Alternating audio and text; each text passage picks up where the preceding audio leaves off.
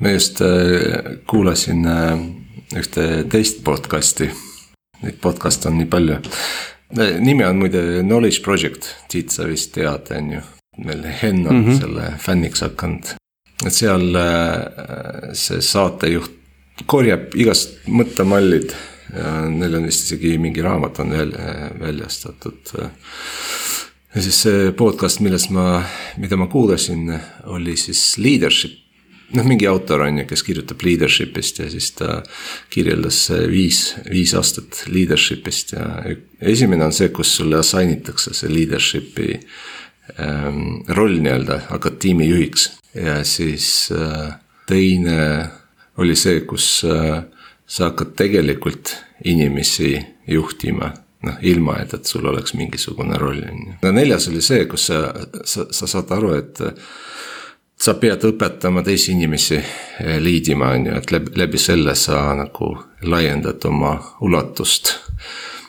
ja, ja nüüd miks ma kõike seda räägin, on see, et, et ma vaatan, et tegelikult suht vähe inimesi, kes jagavad meie podcast'i teistega. ehk nad ei lead'i oma tuttavaid. ma arvan, et me peaksime iga saate lõpus ikka inimestele ütlema, et kui te tahate suuremat impact'i Eh, omada, te peate oma sõpradele meie podcast'i linke jagama. You are what you share. paneme selle kohe kirja ka siia memosse, et meelest ära ei läheks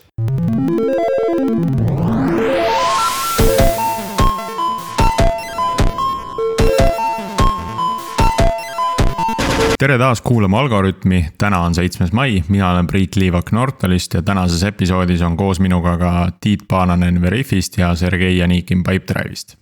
meil on täna külas äh, Leene Künnap, kellega räägime Eesti arvutimängude arendusest. Leene on muuhulgas ka üks autoritest ühel värskeimal ja kõrgelt hinnatud mängul Death and Taxes. tere, Leene! tere! Räägi mõne sõnaga endast, äh, millega sa nüüd tegeled, kui mäng on valmis ja, ja mis su varasem taust äh, arendajana oli?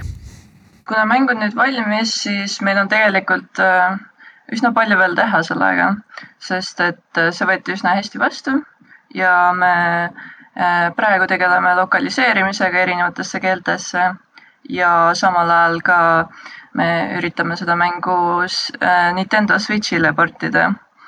ja iseenesest me võtame natuke pausi, sest et äh, tegelikult see äh, mängu tegemise aeg ise oli üsna kiire ja siis enne uue nagu suurema projekti alustamist me mõtleme veel mingeid ideid ja, ja võtame rahulikult nende kahe projekti vahel siis. ja äh, ma ise käisin kõrgemas kunstikoolis, õppisin meediadisaini, et ma ise olen rohkem sellise kunsti ja disaini taustaga ja reklaaminduse. Ja ähm, mängud, ma ei tea, väiksest peale on mängud alati meeldinud ja ma üks hetk avastasin, et Tartus on selline äh, grupp nagu OPT Game Generator äh,, kus siis tehakse koos mänge. Ja kui ma liitusin nende üritustega, siis ma avastasin, et mänge saab teha ka äh, tõsisemalt äh,, et ei pea tegema graafilise disainiga, saab ka teha arvutimänge ja see on täiesti okei okay ala, kuhu minna ja raha teenida. okei okay,, aga kas see tähendab siis seda, et äh, sul endal sellist äh, väga tugevat arendajatausta ei olegi või, või pidid sa seda õppima, kui sa hakkasid Death and Taxes'it arendama või looma? mingil määral ma tean programmeerimist ja ma olen üsna palju programmeerijatega erinevate projektide kallal koos töötanud et äh, ma ise ei programmeeri, aga mul on vaja aru saada, mida programmeerijad teevad, et nendega koostööd teha. et äh, Death and Taxes iseenesest ähm, selle kallal töötas kaks inimest, äh, mina ja siis meie tiimi programmeerija Ott. töötasime täiskohaga ja siis oli terve hunnik inimesi, kes tegid erinevaid asju veel selle mängu all et sellise värske Eesti Kassa hiti taga on ainult äh, kaks inimest siis? Äh, kaheksa tegelikult kokku, äh, aga kaks oli täiskohaga umbes seitse kuud ja terve aeg nagu selline preproduktsiooni aeg ähm, juba algas umbes kolm aastat tagasi, aga see oli selline aeg, kui ma tegin kooli ja muude asjade kõrvalt seda nagu vaikselt koos ühe teise kunstnikuga. Ja siis äh, ma ise tegelesin siis selle mängu äh, juhtimisega ja loovjuhtimisega ka ja tegin ka digikunsti sellele. et meil oli tiimis veel äh, üks ähm, kontseptuaalkunstnik siis oli üks äh, programmeerija, nagu ma ütlesin, äh, üks muusik ja meil oli ka terve hunnik kirjutajaid, sellepärast et äh, see oli väga selline jutupõhine mäng, kus oli hästi palju erinevaid tegelasi ja hästi palju erinevat äh, nagu lugu ja kuidas, hargnev lugu ka, kuidas see laiali läks. ja muidugi meil oli ka kolm äh, siis häälnäitlejat, aga äh, Äh, nemad äh, tegid nagu lihtsalt korraks tegid oma töö ära. ahah, Aleene, kuidas see idee nagu alguse sai, et kust see idee tuli? Äh, idee algas, ma tahtsin teha mingit mängu, mis, mille keskeks teemaks oleks surm, sest meil äh, lääne ühiskonnas on surm üsna selline tabuteema ja inimesed väga ei taha rääkida sellise, sellistel teemadel. ja äh, tavaliselt vaadatakse sellele kui väga negatiivsele ja kuidagi äh, asjale, mida peaks maha vaikima. ja siis ma mõtlesin, et mulle väga meeldib see tegelane ehk siis vikatimees erinevatest raamatutest, filmidest, multikatest ja ma tahtsin viia seda interaktiivteosesse, kus inimene saaks ise tema rolli minna, sest päris paljud need tegelased on tegelikult positiivsed, nagu Terry Pratchetti surm ja Äh, seal on erinevaid äh, tegelasi. ja siis ma tahtsin sellist mängu teha ja inspiratsiooniks olid väga, olid ka teised äh, väikesed loopõhised mängud. Üks põhilistest muidugi Papers, Please, millel sarnasem see kõige rohkem on. ja mulle väga meeldivad tõsised mängud, mida, mis mõjutavad mängijat ja panevad teda mõtlema mingite tõsiste teemade peale no mina tõmbasin tegelikult ka nädalavahetusel selle demo endale alla. Eh, ja, ja proovisin selle läbi mängida, et eh, peab ütlema, et seal on väga palju meeldivaid ja ägedaid karaktereid, see häälnäitlejad on väga huvitavad ja see, see, kui, kuidas seal seda dialoogi on üles ehitatud noh, see ei ole selline äh, kuidas ma ütlen siis kõige, kõige triviaalsem dialoog, et seal ikkagi see dialoog üllatab äh, kasutajat positiivses mõttes. et kui ma lugesin neid, noh, et siis seal teatud valikud nagu panevad kohe täitsa muigama täitsa selliste tühiste kohtade peal.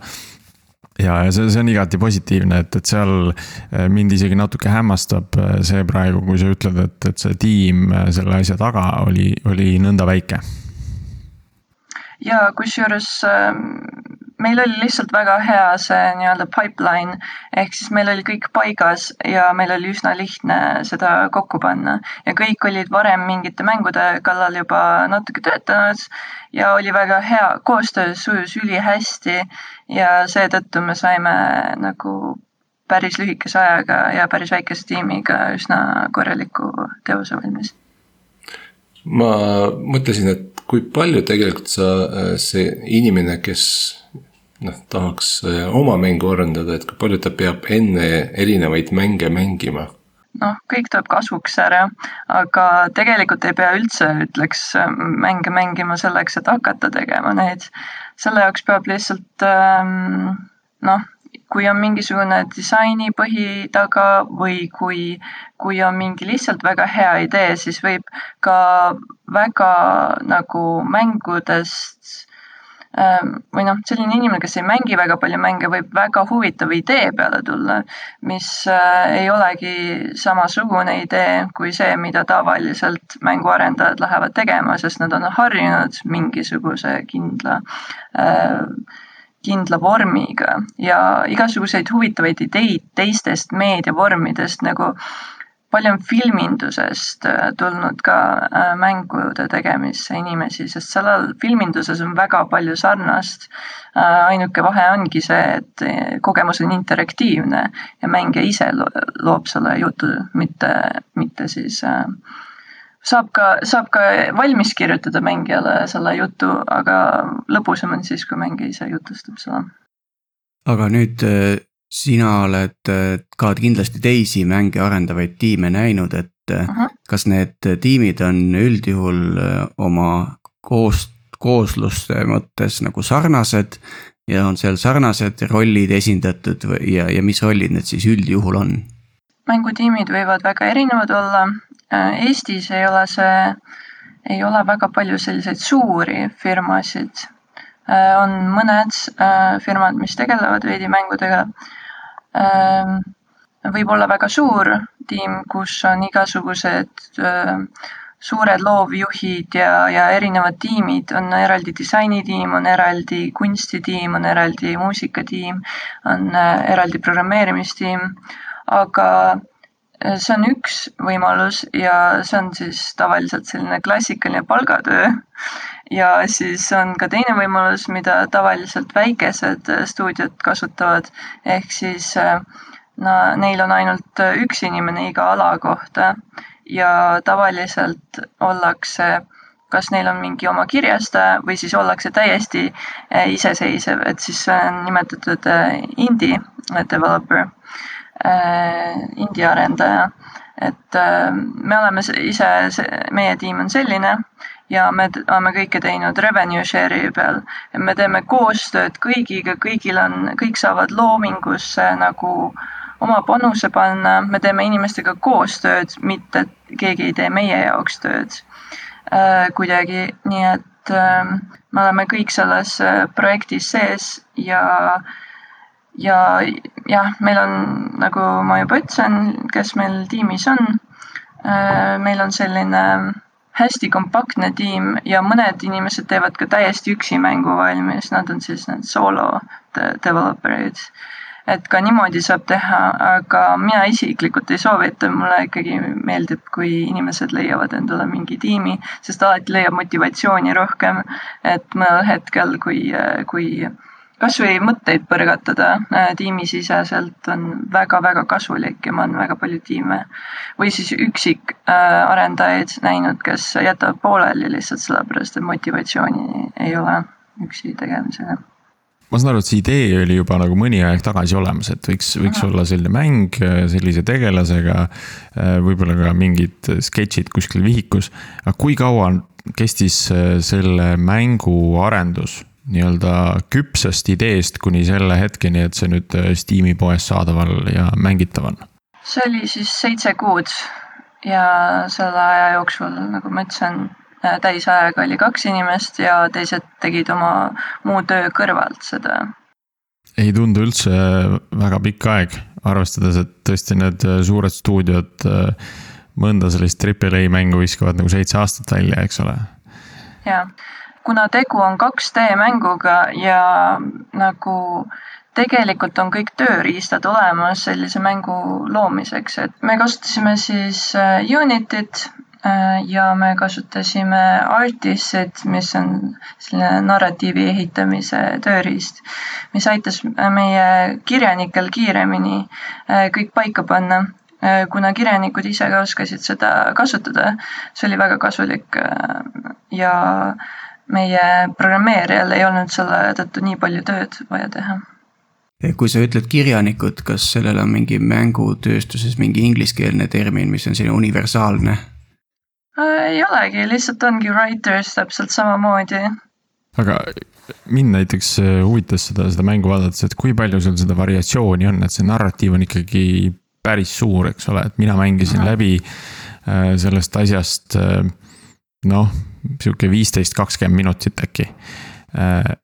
ja, ja proovisin seal juba selle lühikese perioodi jooksul igasuguseid nii-öelda drastilisi kõrvalekaldeid, ehk siis eh, teha väga radikaalseid otsuseid. et noh, et juba, juba see näitas, et selle lühikese maa peale võib see, võib see variatsioon väga suur olla, see otsustuspuu, eks ole. Kes, kes selle poole kokku pani, et, et no ma saan aru, et kirjanikud kirjutavad selle, kirjutajad kirjutavad selle teksti, eks ole. Ja selle narratiivi nagu nii-öelda suures plaanis mm., aga sellise detailsemal tasemel otsustuspuu, et millal mingid asjad juhtuvad, kes selle eest vastutab ühes mänguarendustiimis? oleneb jällegi, kui suur tiim on. Äh, kui on selline väike tiim nagu meil, siis äh, me tegime seda koos äh, kirjanikuga. et mina ja Ott, kes me tegime täistööajaga seda mängu, et ähm, mina siis rohkem kunsti poolt, Ott rohkem programmeerimise poolt, siis me olime nii-öelda seal koos selle projekti juhid ka ja äh, tegelesime ka rohkem disainiga et vahepeal on tiimis ka oma disainer, ehk siis kes on gameplay disainer, kes tegeleb ainult sellega, aga kuna meil ei olnud, siis me võtsime nagu koos selle äh, rolli enda peale. ja me tegime selle koos, panime paika koos kirjutajaga ja, ja erinevaid profiile seal mängus, inimeste profiile ehk tegelasi oli siis üle viiesaja seal ja mäng esimese korra läbimängimisega võtab umbes äh, kaks tundi aega või olenevalt, kui kiiresti keegi loeb. ja sellel on erinevaid lõppe, kombinatsioone on terve hunnik, aga ütleks, et umbes neli täiesti erinevat äh, lõppu on ja, ja sellel on hästi palju erinevaid variante ka, äh, kuidas see nagu hargneb. No mõneti see, see tundub natuke nagu selline tootearendusülesanne, et et te, te alustate täitsa tühja lehe pealt ja peate jõudma siis sinna lõpp-punkti mingi, mingi äh, lahenduseni, mingi mänguni, mis äh, on väga paljudele inimestele huvitav ja, ja vajalik. noh, võib-olla siinkohal mitte niivõrd vajalik, aga äh, huvitav ja meeldiv kasutada, eks ole äh, kuidas, kuidas see protsess välja näeb, et kas te hakkate kuskil tahvli peale seda asja joonistama, panete sticky note'e viissada tükki seina peale, et kõik need Äh, nii-öelda erinevad äh, punktid või ahelad selles äh, narratiivis saaksid kaetud, kuidas, kuidas see käib? Jah ähm,, hästi palju arvutimängude arenduses on väga tähtis igasugune testimine, sest et sa ei tea, kuidas inimesed mingitele asjadele võivad päriselt, sa võid, sa võid eeldada, kuidas nad, kuidas nad reageerivad millegi peale aga siiski igal sammul tuleks testida asju. ja alguses pannakse, tehaksegi paberi peal, tehakse erinevaid joonistusi ja vahepeal mängude arendusel ka isegi lõigatakse paberis välja need asjad ja proovitakse mängida lihtsalt puhtfüüsilisel versioonil nagu lauamängu. et vaadatakse, kas sellel on mingisugune võlu. teine asi hästi kiiresti hüpatakse äh, siis prototüüpimise faasi. ilma igasuguse kunstita, samal ajal võib kõrvalt teha kunstnik äh, igasugust kontseptuaalkunsti, aga oleks vaja lihtsalt mingit lihtsat töötavat asja, mingi asi liigub ekraanil, mingi asi, mida, millegagi saab interakteeruda. ja kohe, kui see on nagu mingisugusegi vormi saanud ilma igasuguse välimuseta, ainult valged kastid, siis tuleks hakata proovima ja vaatama, kuidas, kuidas see töötab, kas, kas see on hea mõte või mitte. et igasugune prototüüpimine on hästi tähtis ja siis, kui näed, et sellel on nagu vormi, kui tegu on mingisuguse action mänguga, siis on prototüüpimine veel tähtsam, sest inimene peab, sest, sest sa ei saa äh, teoorias midagi välja mõelda, siis kui tegu on rohkem sellise loopõhise mänguga nagu meil, siis on hästi keeruline, sellepärast et lugu on nii tähtis osa ja äh, keeruline on äh, nagu seda testida varajases etapis, et kuidas see mäng tundub inimestele, sest et selle mängu loob väga palju selle välimus. Äh, sellepärast on veidi raskem teha sellist sorti mängu. aga ikkagi selle puhul saab sellist asja teha, et sa lähed inimeste juurde, ütled, et ma teen sellist mängu, ütled, et ma teen mängu, kus on näiteks Vikati mees kontoritööl ja ja kui inimestel tekib huvi selle vastu, siis see on väga hea märk. inimesed võivad hakata sinuga kaasa rääkima sellest, et äh, väga paljud ideed, väga paljud asjad on tulnud sellest lihtsalt, et teiste inimestega rääkida sellest, sellest mängust ja ideest ja selle moraalsusest ja kõigest sellest. et see on natuke nagu teistmoodi selline prototüüpimine või testimine, eks ole, noh. samamoodi, eks ole, sa lihtsalt mm -hmm. räägid ideest, eks jah. aga see testimine, mingil hetkel on see testimine toimub nagu tiimi sees, eks ju, ka uh -huh. mis hetkel ja kuidas nagu päriselt nagu mängijaid kaasata sellesse või, või mida teie tegite? Jah, kõigepealt tavaliselt need, kes on kõige lähemal, ehk siis programmeerijad testivad seda, aga nii varakult kui võimalik tuleks seda teistele inimestele anda, sest äh, inimene ise, kes teeb mängu, mängu kõige halvem testija maailmas, ma ütleks. nii et Äh, väga hea on, kui hästi ruttu, kui midagi mängitavat on, siis äh, anda inimestele, alguses sõpradele, perele ja nemad võivad testida. edasi võib liikuda siis selle peale, et äh, sa annad seda testida ka inimestele internetist ja mängude testimisel õnneks on inimesed nõus seda tasuta tegema, sest see võib väga lõbus olla.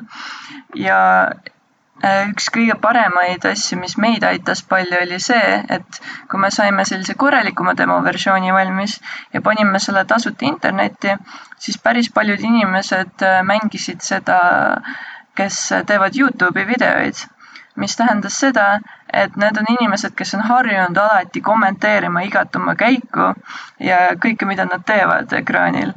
Põhimõtteliselt kõik, mis neil pähe tuleb, nad ütlevad kohe välja ja see on ka üks hea viis, kuidas testida, ehk siis vaadata inimesi videos äh, selliseid asju mängimas lisaks sellele te saite veel tasuta promo pealekauba, eks ole, ühel jah, absoluutselt, et äh, see oli ka üks meie äh, eesmärk, et mäng ise oli disainitud algusest peale selle jaoks, et sellel läheks turul hästi.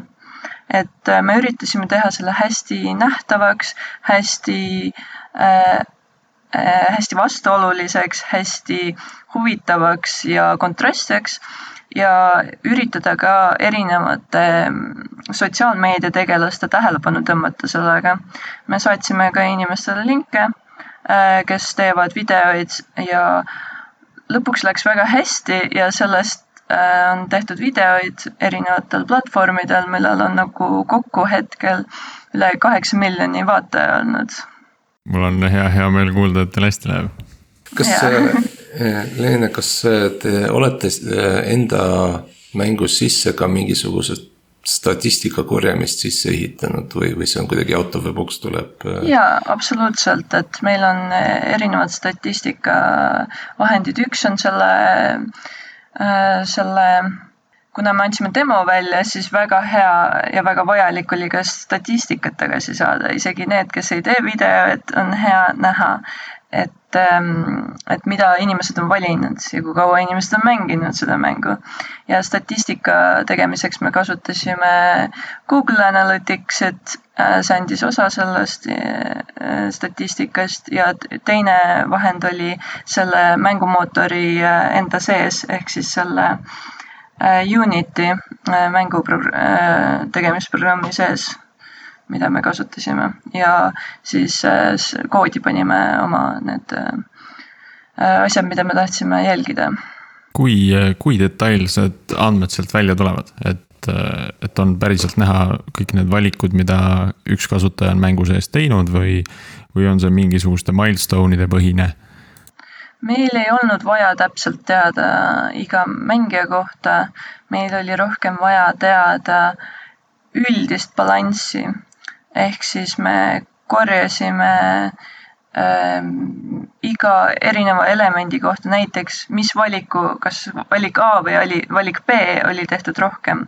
nii et äh, selle mängu puhul me pigem nägime lihtsalt seda üldvaadet et, et mida, mitte mida üks isik tegi, vaid mida üldiselt tehti ja me saime muuta asju tänu sellele, kuna me tahtsime teha kõik valikud ja kõik teed üsna nagu kutsuvaks, siis me ei saanud seda kallutada liigselt äh, ühe, ühele poole niimoodi, et kõik, ah kõik nagunii valivad selle ühe valiku.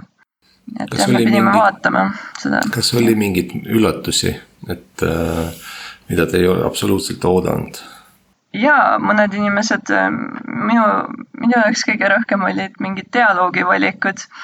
et äh, näiteks kui äh,, kui nad tegid kuna see on selline, see mäng ise on kontoritöö tegemine, siis ma imestasin, et peaaegu keegi ei suutnud oma bossile öelda, et nad ei tee võib-olla kõige paremaid valikuid. isegi kui nad äh, ütlesid ähm,, olid väga ebakindlad, tehes tööd äh,, oma, oma seda kontoritööd ja valides inimesi, kes ellu jäävad ja kes surevad, siis äh, kui nende boss neilt küsis, et äh, et äh, kuidas neil läks päev, siis nad alati ütles, ütlevad, et väga hästi ja kõik oli, ma tegin kõige õigemad valikud ja et äh, see oli, see oli üllatav, kui palju nagu ebakindlust tegelikult oli, aga alati mm -hmm. öeldi oma bossile, et kõik on super hästi.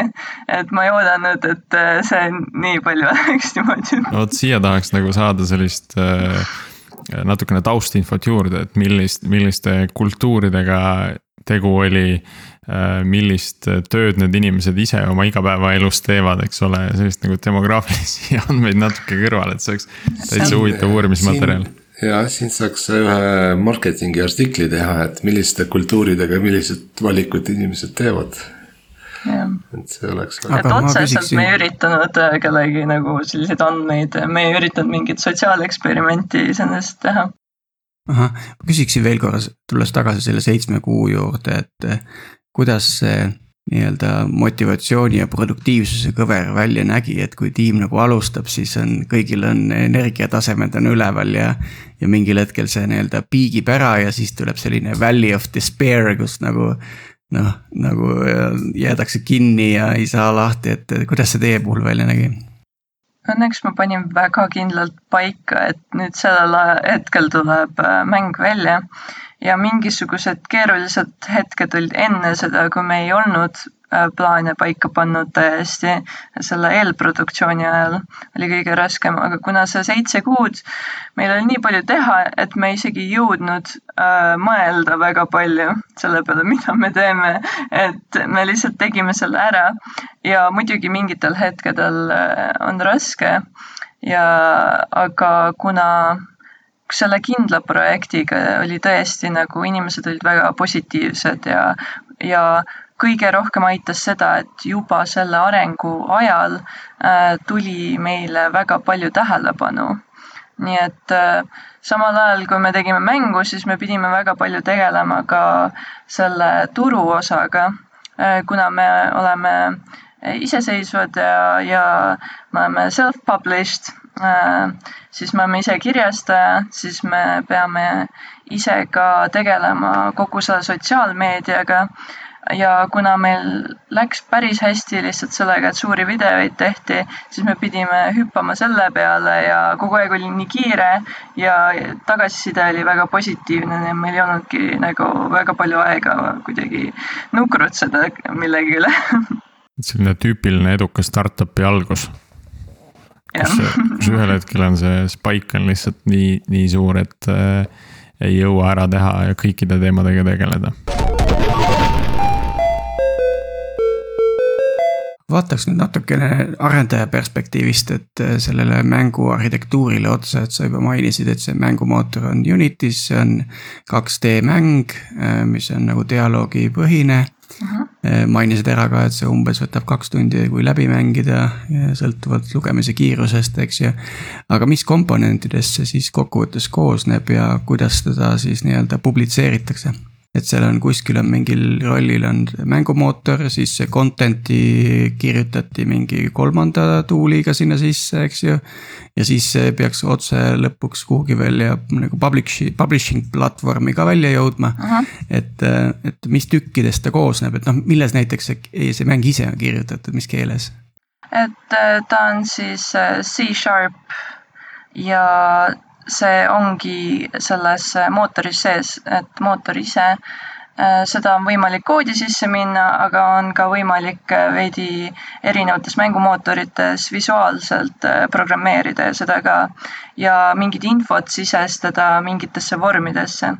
ja mäng ise on siis äh, erinevad stseenid on kokku pandud, kus toimuvad erinevad asjad ja see on siis pakendatud kokku ühte ühte vormi, kus on eraldi on kood ja eraldi on siis kõik need asset'id. Ja kui keegi ostab läbi Steam'i selle, siis, siis see kõik on nagu selline kokku pakendatud pakk. Ja me ise tegelikult andsime ka, tegime ka koodi äh, avalikuks me tegime open source koodi hiljuti, sellepärast et mõned teised indie tegijad on teinud seda ja kõik, kes tahavad ja uuri-, eh, tahavad teada, kuidas mängu tegemine käib, siis võivad eh, hüpata sinna koodi sisse. et open source on ainult äh, selle koodi osa ilma mingi muusika ega visuaalideta. et kui kellelgi äh,, keegi võtab lahti Artis'i ja, ja siis äh, ka selle Unity, siis nad saavad meie koodi äh, leida internetist ja siis äh, seda näppida veidi, timmida, vaadata. Äh, meie arendaja Ott tahtis teha selle avalikuks, et, et kuna ta ise on õppinud ka erinevate, erinevatest koodidest, siis oleks hästi kasulik näha, et isegi Äh, kuna seal on igasuguseid äh, äh, väga nagu kokku visatud lahendusi ka, et seda on näha, et see ei ole kõik nagu nii puhas ja ilus ja kõik, kõik töötab, aga see võib olla nagu sellised veidrad lahendused seal sees, mida, mida, mida on huvitav kindlasti üle vaadata. Väga lahe, mina suutsin selle juba üsna kiiresti GitHubist üles leida, et äh, ma usun, et ka meie kuulajad saavad sellega kenasti hakkama. et see on, see on hästi kihvt, et selline trend on, äh, on tekkimas, et ma ise ei olnud üldse kursiski, et mängud just niimoodi open source ivad. samas äh, sinu see noh, mõtte, mõttekäik on täitsa õige, et, et kui sul neid asset eid juures ei ole, et siis on väga raske selle koodiga midagi nii halba teha ja, ja selles mõttes teha selline kloon ja hakata seda ise müüma, eks ole, et see on, see on hoopis midagi muud, et see väga suur töö läheb sinna asset ite sisse ka. jaa äh,, absoluutselt. sa enne rääkisid äh, testimisest ka, aga peamiselt just sellest äh, kasutajapõhisest testimisest, et kui palju seal sellist automaattestimist sees on ja just nagu selle koodi poole peal äh, teste on, et kui, kui palju sellega tegeleda tuli või kui palju sellele tähelepanu sai pöörata? Selle projekti puhul minimaalselt, peaaegu et mitte. Et kuna see oli nii lihtne ehituselt, siis, siis seda väga palju ei olnud üldse.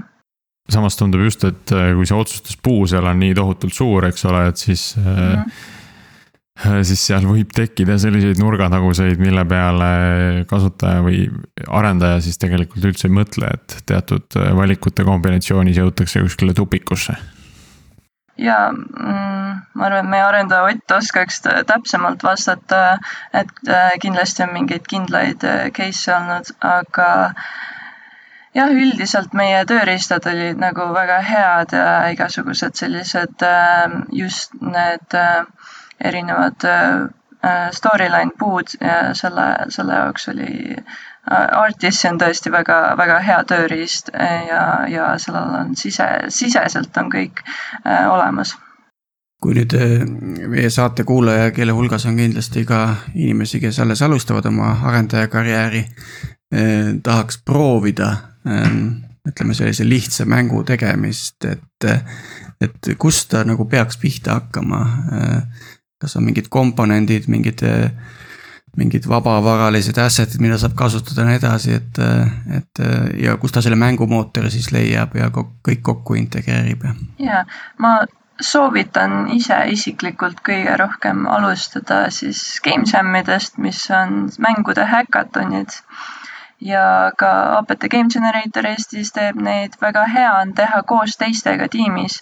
et sellistel üritustel tavaliselt pannakse tiimid kokku ja ainult kolme päeva jooksul või kahe päeva jooksul tehakse mingi asi valmis ja see on ülihea kogemus, sest et tavaliselt, kui keegi ise otsast hakkab midagi nokkima, siis ei jõuta nagu selleni, et midagi valmis jõuaks teha, sest tahetakse järjest suuremaid asju teha, tuleb lihtsalt väikselt alustada. aga on päris häid väikseid programme, mis on kas tasuta või siis saab tasuta proovida oleneb, mis sorti näiteks arendaja oled. kui programmeerimist nii palju ei tea, siis ma soovitan Constructi või GameMakerit. Need on mõlemad väga head programmid kui, kui arendus rohkem programmeerimisse olla sisse elanud, eh, siis üks kõige parematest ongi Unity, mida me ise oleme kasutanud 2D mängudele. Ja Unreal soovitatakse eriti palju 3D mängudele, sest seal on hästi palju blueprint'e, mille põhjal eh, saab ka õppida ja igasugust äh, igasuguseid asset eid tasuta ka on olemas nii Unreali kui ka Unity poodides olemas. et äh, neid saab äh, alla laadida ja hakata katsetama mingite asjadega. et soovitatakse, kui esimese mänguna teha nagu nii väike asi kui võimalik et, et mitte alustada mingi suure, suure äh, avatud maailma rollimänguga, sest see ei saa niimoodi küll valmis, aga pigem peaks alustama kasvõi mingi väikese, ma ei tea, Backmani klooniga. Nagu ikka, et start small ja siis ehita sinna peale, eks ole jaa, absoluutselt ja tõsiselt äh, äh, abi võib alati küsida teistelt äh, arendajatelt, et hästi palju äh, mänguarendus on väga, väga suure selle äh, community'ga, mis tähendab, et äh, erinevates kohtades, kus oled, on alati kohalikud community'd olemas. Tartus on APT Game Generator, Eestis üldiselt on IKTA Estonia Äh, saab liituda Eesti Game Dev Discordiga, saab äh, liituda siis erinevate Facebooki gruppidega ja vaadata, kas mingeid üritusi tuleb, kas mingisuguseid erinevaid ähm, äh, talk'e on sellel teemal. Ja tegelikult on kõik väga nagu vastuvõtlikud ja, ja toredad inimesed ja nüüd, kui see arendaja alustab äh, oma mänguarendust, siis äh, sinu kogemuse järgi, mis on need äh, kõige levinumad vead, mis siis tehakse? tihtipeale ongi esimene see, et tehakse üksi mängu. teine on see, et tehakse midagi liiga suurt tihtipeale tehakse, äh, kui tahetakse turule siseneda juba, ei tehta enda jaoks äh, hobina, siis äh, hästi palju tehakse platvormer mänge või, või siis first person shooter eid.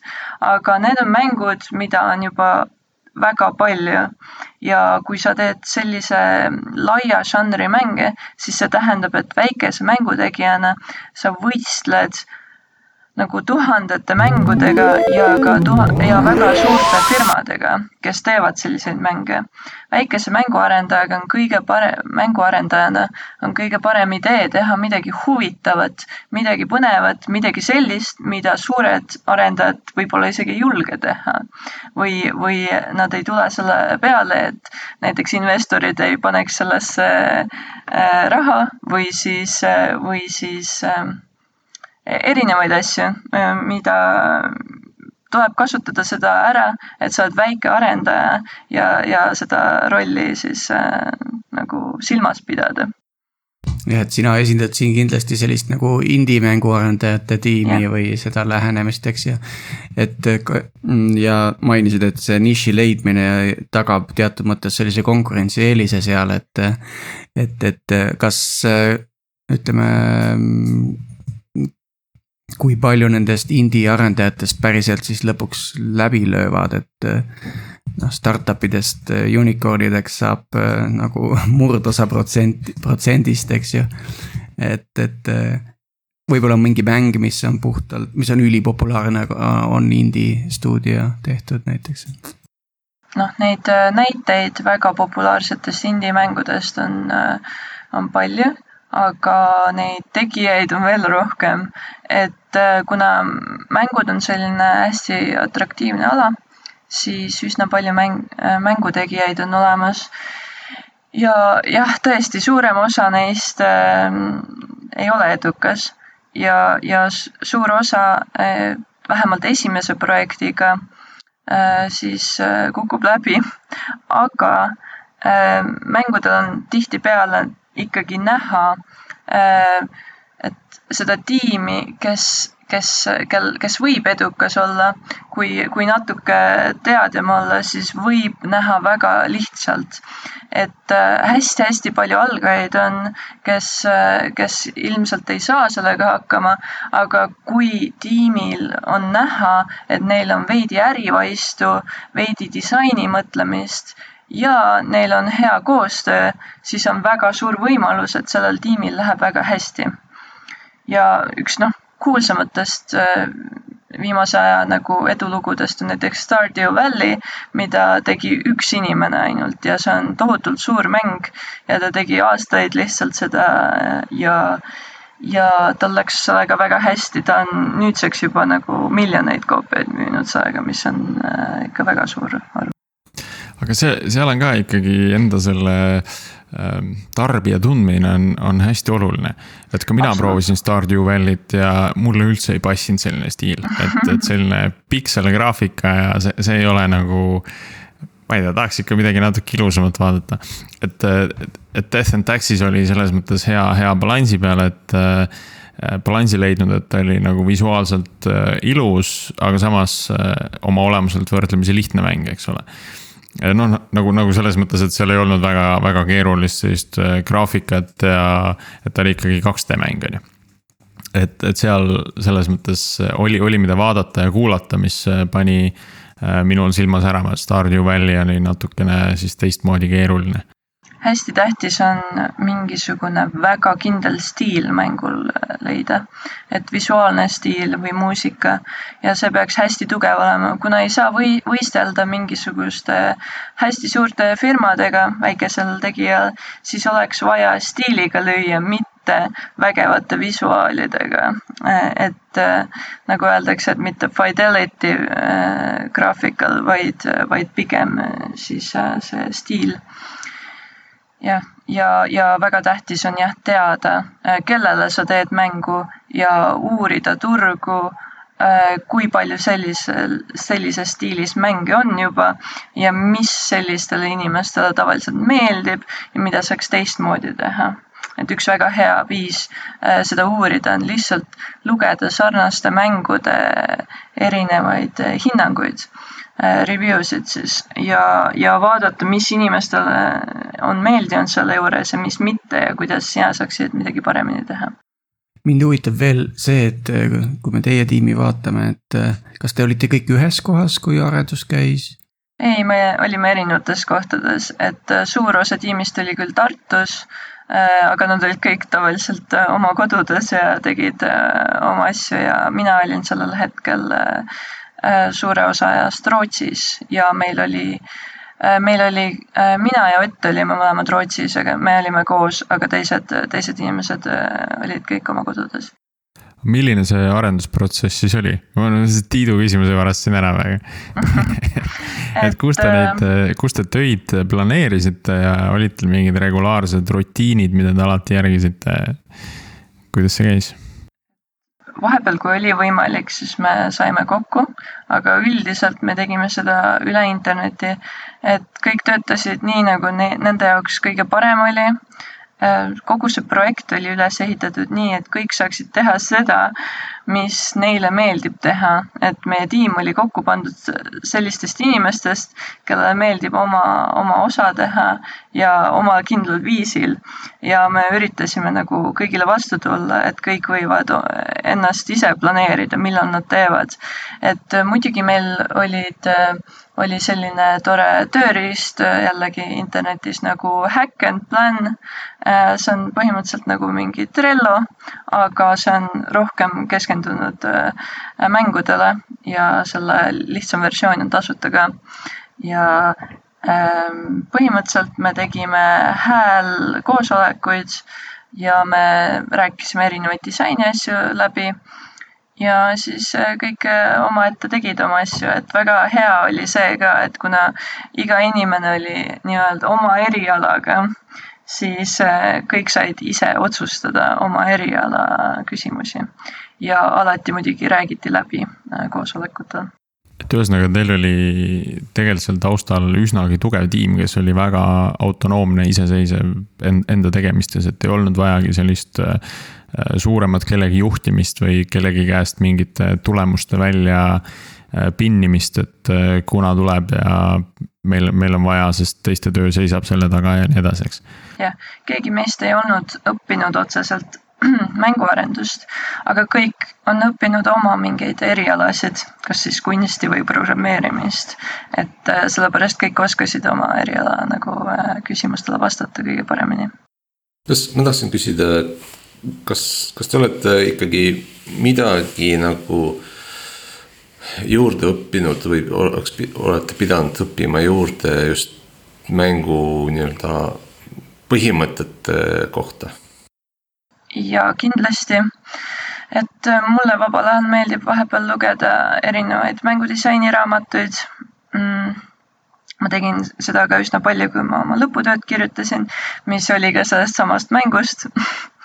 Ja siis äh, mulle meeldib väga palju vaadata mm, vaadata siis igasuguseid äh, erinevaid salvestisi erinevate mänguarendajate poolt, äh, kes on jaganud erinevaid edukaid inimesi, erinevaid äh, inimesi, kes räägivad oma vigadest.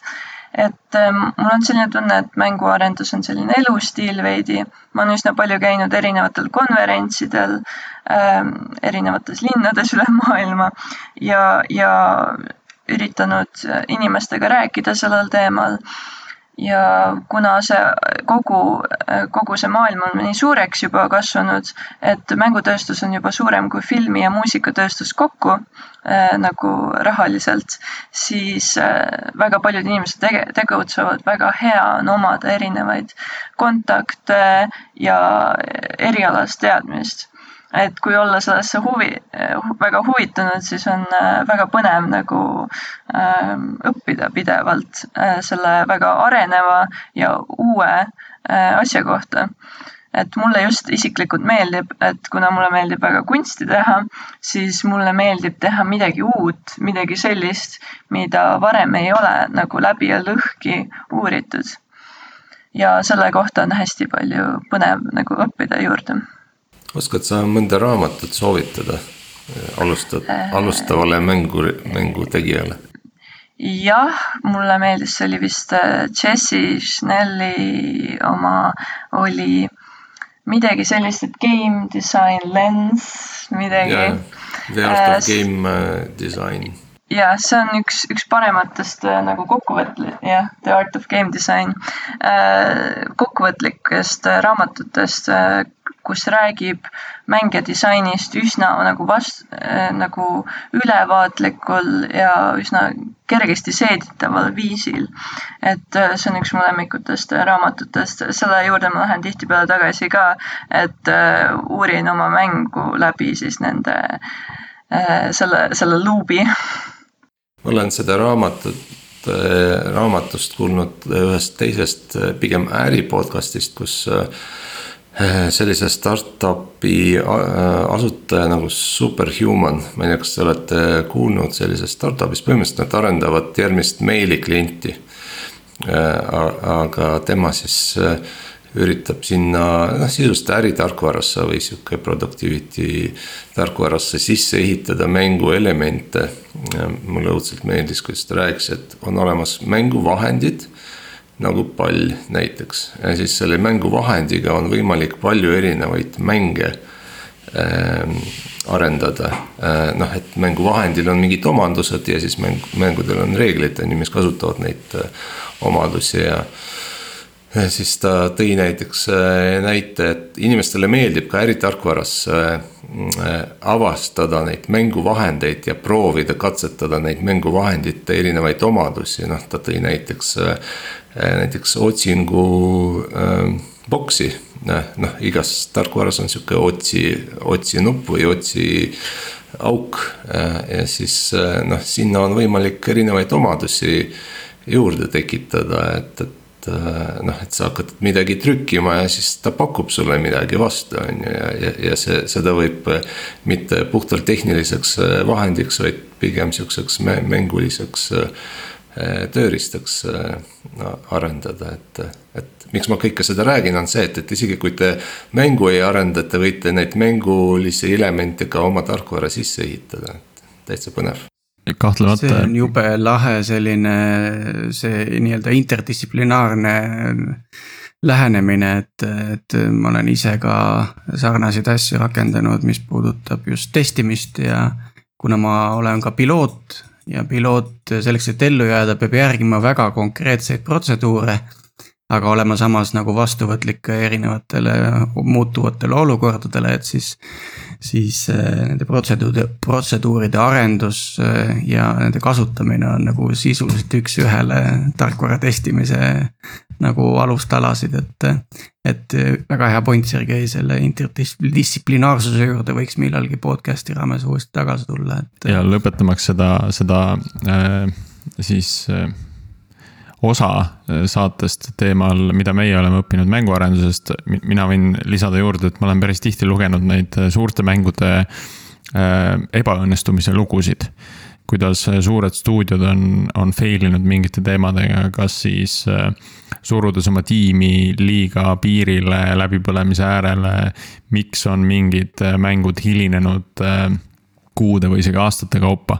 et, et mis, mis asju siis seal arvatavasti on valesti tehtud ja neid, neid lugusid tuleb üha rohkem ja üha ausamalt välja alates siis sellest, kuidas noh, mingeid asju arendatakse aastate viisi omamata selget visiooni.